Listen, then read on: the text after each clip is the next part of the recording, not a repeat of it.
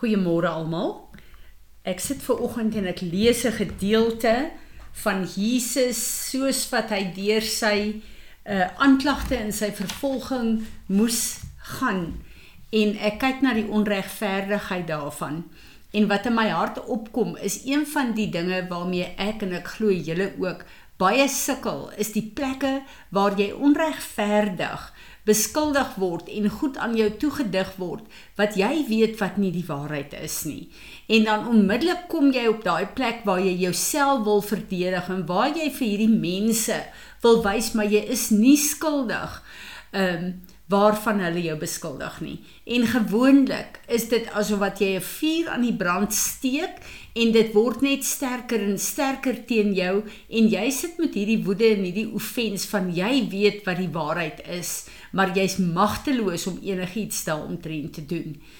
Ek kyk na hierdie gedeelte in uh, Matteus waar Jesus voor Pilatus eers verskyn het. Nou ons ken die hele storie van hoe hy uh, letterlik deur 'n Jezebel gees wat deur hierdie ehm um, Sanhedrin gewerk het, uh uh skuldig gemaak is aan goed en go leens om omgang is wat glad nie die waarheid is nie. Ek lees vir ons vers 11. Now Jesus stood before Pilate the governor and the governor asked him, "Are you the king of the Jews?" In a formation Jesus answered him, "It is what you say. En Jesus maak die die uh um die uh verklaring. Hy is God want Pilatus is nie betrokke by al die Joodse mense en die kultuur wat hom wil doodmaak nie. So Pilatus is een wat hy die die uh uh feit voorgee, die kennis ek is die Jode. But when the charges were brought against him by the chief priests and the elders, He did not answer. Then Pilate said to him, Do you not hear how many things they are testifying against you? But Jesus did not reply to him, not even to a single accusation, so that the governor was greatly astonished. Nou een van die dinge wat ek sien en wat ek geleer het in my eie lewe is dat wanneer valse beskuldigings teen jou inkom, ons moet weet daar is waarheid wat God se bron is en daar is leuns wat die valsheid van die duiwel is. Wanneer ek en jy vals beskuldig word, dan is dit 'n soos die Engelse sê 'n set-up van die duiwel. En gewoonlik wil hy ons verwyder van 'n plek of van 'n groep mense of hy wil ons op 'n plek bring waar ons mond gesnoer word. Dit wil sê my mense sal nie na ons luister nie want hulle dink dat ons nie opreg is nie, ons is vals. En dit is baie interessant wanneer ons op hierdie plek staan en hierdie is absoluut 'n witchcraft plek. Dan sal die vyand in uh die lig van sy aanklagte altyd mense vergader en hulle beïnvloed om teen jou te getuig.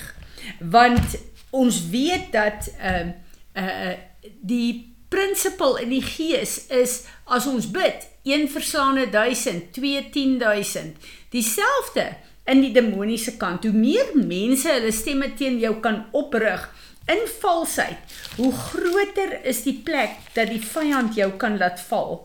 En dis vir my interessant dat van die ehm um, Sanhedrin wat hom aangekla het, het dit uitgekring na uh, vers 20 sê, but the chief priests and the elders persuaded the crowds, the crowds to ask for Barabbas and to put Jesus to death. Wanneer vals beskuldigings teen jou kom, sal die vyand altyd 'n klomp mense in witchcraft teen jou opmaak. Dit is die sleutel van kinderstories.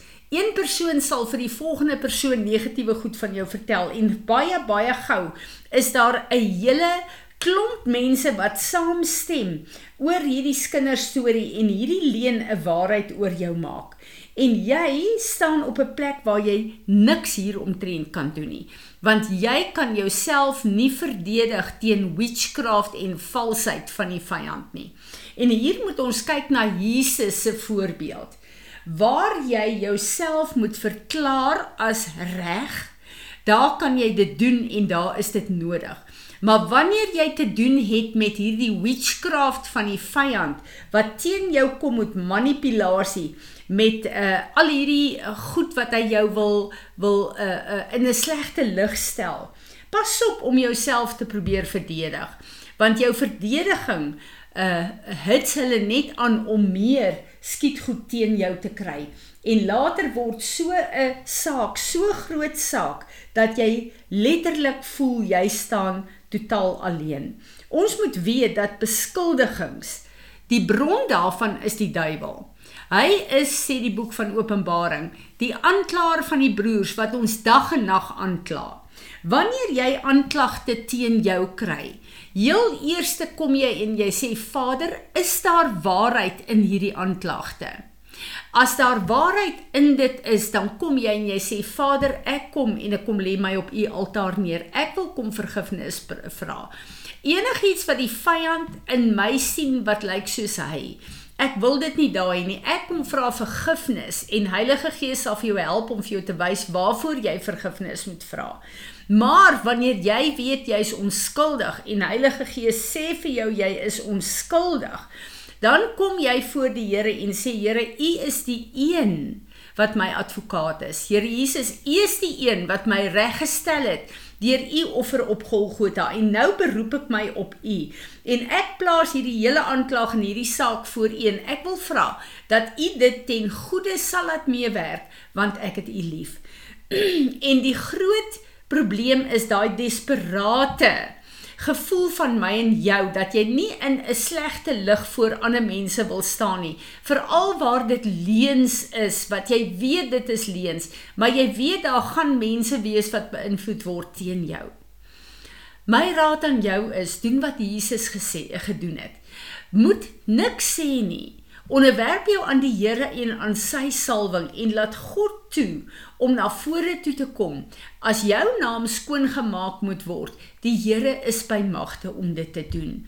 Die mense wat in witchcraft wil glo, slegte goed van ander mense, sal altyd beïnvloed word. So jy kan jouself nooit regverdig bewys in die oë van die wêreld en in die oë van mense nie. Daar is een wat regverdig is en sy naam is Jesus. En ek en jy behoort aan hom.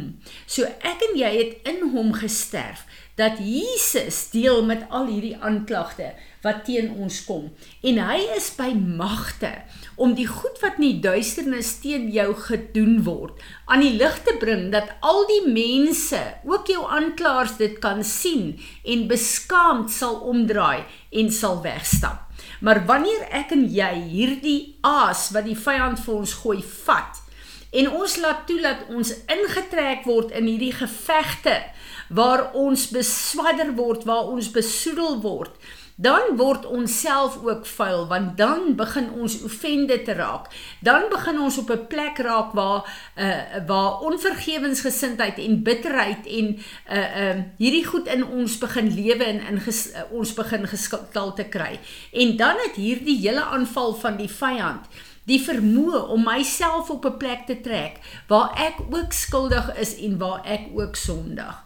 En mag die Here ons help dat ons op 'n plek bly waar ons uh hierdie aanvalle en goed sal hanteer en sien waarvoor dit na ons toe gestuur word en dat uh ons sal weet dat ehm uh, uh soos wat to, na Jesus gesterf gesterf het en hy opgestaan het.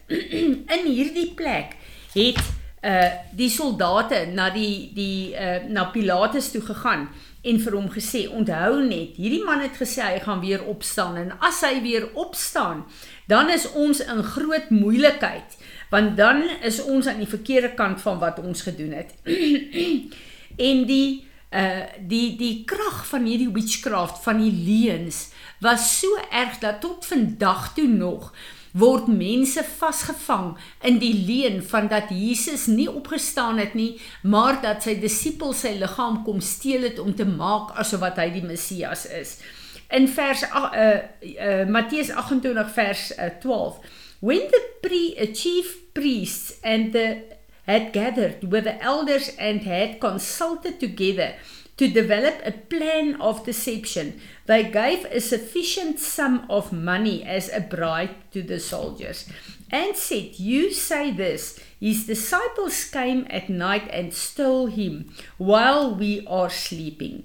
Ons moet weet die mense wat in witchcraft is, wat in hierdie leuns is, wat aan die verkeerde kant is, is gesande van die duiwel. En hy sal toelaat dat leen op leen op leen, aanklag op aanklag op aanklag, hulle beskerm en jou verder beswadder. En as ons nie God toelaat en met God se wapens beklei nie, dan het ons nie 'n kans teen hulle en hulle witchcraft nie. Maar Jesus het gesterf om die waarheid in ons lewe die krag te gee en die leuen moet sy knie buig en gaan. Maar kom ons wees versigtig hoe ons hierdie aanklagte en hierdie vals beskuldigings hoe ons dit hanteer. En op die einde van die dag, wat maak dit saak wat mense wat in elk geval dink wat hulle wil van my en jou dink? Al wat regtig saak maak is dat ons in die waarheid van ons God staan en dat saam met ons God kan getuig oor die heerlikheid van ons God in ons lewe.